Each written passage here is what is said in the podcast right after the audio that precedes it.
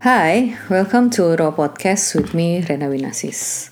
Episode ke-10 kita kali ini adalah episode terakhir uh, dari chapternya The World Has No Favorites-nya Andrew Matthews. Episode ke-6 kita sudah sharing tentang The Law of Seed, episode ke-7 Cause and Effect, episode ke-8 As You Get Better, The Game Gets Bigger.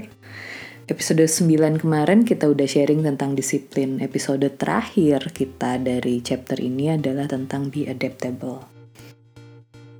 Di buku ini, Andrew Matthews wrote a very short paragraph. So, saya mungkin akan bacain atau sharing ke teman-teman tentang apa sih message, the key message-nya dan mungkin kita akan coba menggali beberapa example yang mungkin saya pernah lihat atau maupun yang saya pernah alami. He said, we live in a world where things are always changing. Dari satu detik, kemudian ke menit, kemudian ke jam, kemudian ke hari, kemudian ke minggu, kemudian ke bulan, dan kemudian tahun Semuanya bergerak, everything evolving around us, bahkan kita pun bergerak. Dari kita dilahirkan dan kemudian nanti kita mati, along the way there's a process. Proses di mana perubahan itu adalah sesuatu yang pasti. Bagaimana kita berubah dari lahir sampai kita dewasa, sampai kita tua itu banyak sekali perubahan yang terjadi yang memaksa kita untuk be adaptive, yaitu kemampuan untuk beradaptasi. Karena seperti halnya beberapa hewan yang kita tahu misalnya dia berubah pada saat dia menginjak tanah dia menjadi coklat, menginjak hijau dia menjadi hijau.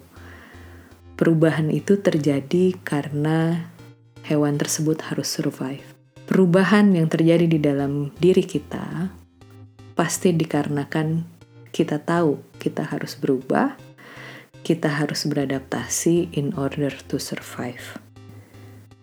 Arti kata survive di sini mungkin akan bisa meluas ya teman-teman kalau buat saya.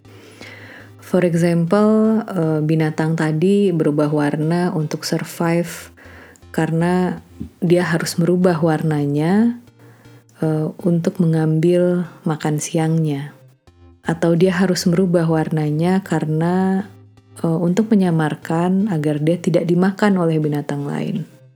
Di dalam kehidupan manusia, survive ini sangat sekali bisa memiliki arti yang cukup luas. Survive buat beberapa orang uh, mungkin cukup dengan makan sekali, survive buat beberapa orang mungkin yang penting bisa nafas deh. Survive buat beberapa orang yang penting bisa bayar utang. Atau mungkin survive buat beberapa orang adalah menghindari a battle that they know they cannot win. So, uh, be cautious about the survive or the reason behind uh, the adaptive action yang kalian mau ambil menghadapi satu perubahan. Just make sure kalian punya uh, mindset yang positif. Uh, just make sure perubahan itu kalian sikapi dengan positif. Dan please make sure lagi kalian beradaptasi melalui cara-cara yang positif. So, saya tidak akan berpanjang-panjang dalam episode ini, teman-teman, karena ini sangat umum.